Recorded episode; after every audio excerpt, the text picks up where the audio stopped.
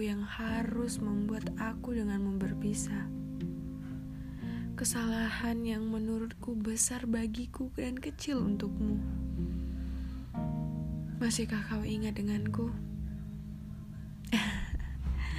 Tentu saja tidak. Aku tidak ingin kau mengingatku.